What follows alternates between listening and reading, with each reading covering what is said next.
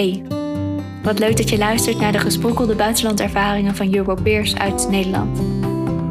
Dit zijn jongeren die voor langere tijd ergens in Europa hebben gewoond, bijvoorbeeld voor Europees vrijwilligerswerk of een internationale jongerenuitwisseling. Tijdens een podcastworkshop op 9 mei 2020 schreven en werkten zij allemaal thuis aan een podcastminuutje om je mee te nemen naar een belangrijk of dierbaar moment tijdens hun buitenlandervaring. Mijn naam is Annelies van Wijk en ik mocht ze deze dag meenemen en begeleiden. Ik wens je voor nu veel luisterplezier met deze bijzondere thuis opgenomen verhalen.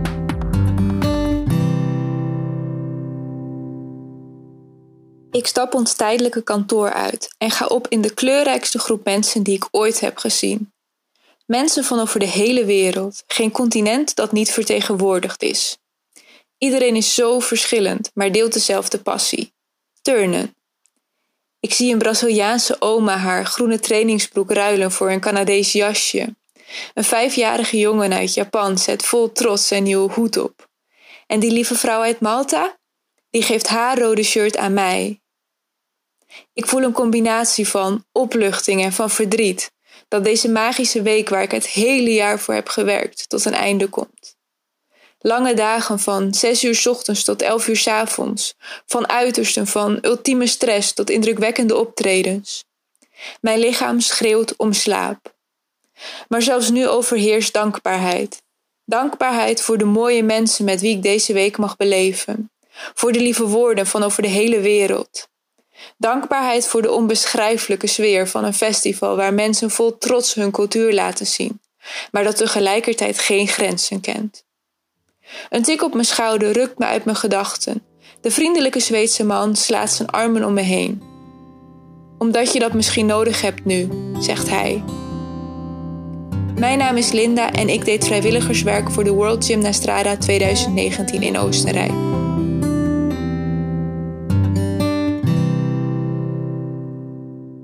Mijn nieuwe woonplaats lijkt op een zandbak.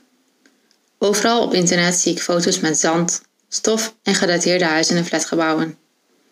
Mijn koffer heb ik ook speciaal daarop ingepakt. Zomerse kleding met genoeg spelletjes en prulletjes om mezelf bezig te houden. De trein rijdt door zandvlaktes en verdroogde dorre valleien met onbewoonde huizen.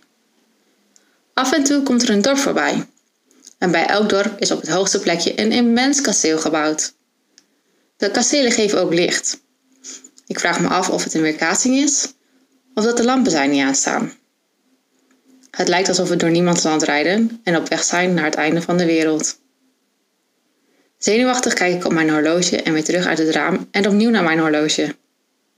Dat ik zenuwachtig ben, merkt ook de vrouw naast mij, want ze begint in een voor mij onbekende taal te praten. Met handen en voeten probeer ik haar te vertellen waar ik naartoe ga. Dan staan we stil. Ik stap als enige de trein uit en zie direct een groot, wit, authentiek theatergebouw.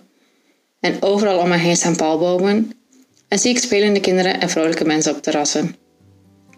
Er stroomt een gevoel van verbazing, blijdschap en spanning door mij heen. Ik ben Marije. Ik deed vrijwilligerswerk in Spanje en dit is mijn nieuwe woonplaats.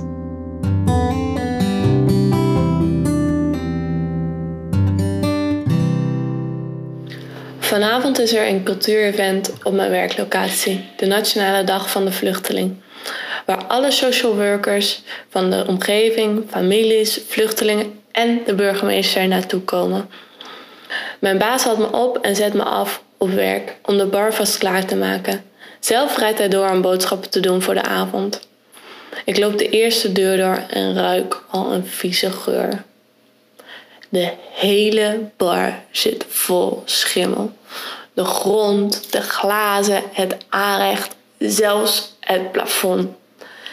Eén grote, stinkende puinhoop. Nog anderhalf uur tot het event begint. Ik, ik in paniek. Er is nog zoveel te doen en zo weinig tijd en het moet perfect. Mijn baas komt terug van het boodschappen doen en ik met al mijn paniek kom hem al tegemoet. Hij zegt: Nou, kopje koffie dan maar. Alle stress verlaat mijn lichaam even snel als dat het gekomen was. En ik realiseer me weer dat in Italië samen zijn en plezier belangrijker zijn dan alles perfect doen. Mijn naam is Kimmer en ik ben een jaar in Puglia, Italië geweest als EVS-vrijwilliger voor La Cobaleno Centro Coine. Ik sta in mijn woonkamer, op mijn laatste avond hier. Ik kijk naar het bloemetjesbehang, de tafel volgeladen met eten, het krakkemikkige bed dat dienst doet als onze bank. Op dit bed en op de vloer zitten nu zo'n 15 vrijwilligers. Ze kijken naar de video die mijn drie teamgenootjes en ik gemaakt hebben van onze tijd hier. Het zit vol met beelden van onze reizen met volgepropte rugzakken, gezellige avonden thuis en medige gezichten tijdens het wachten op de tram. Onze vrienden lachen en roepen bij het zien van deze herinneringen. Wij staan achterin een slechte poging te doen om onze tranen te bedwingen. Onze namen komen in beeld en iedereen juicht. Ze zitten niet langer, maar staan om ons heen in een grote, chaotische groepsknuffel. Ik kijk nog eens om me heen. Het zijn niet het bed, de tafel en het bloemetjesbehang die ik ga missen. Het zijn de mensen waar ze me aan doen denken. Ik ben Isanne en ik heb vrijwilligerswerk gedaan bij Actor in Boekarest, Roemenië.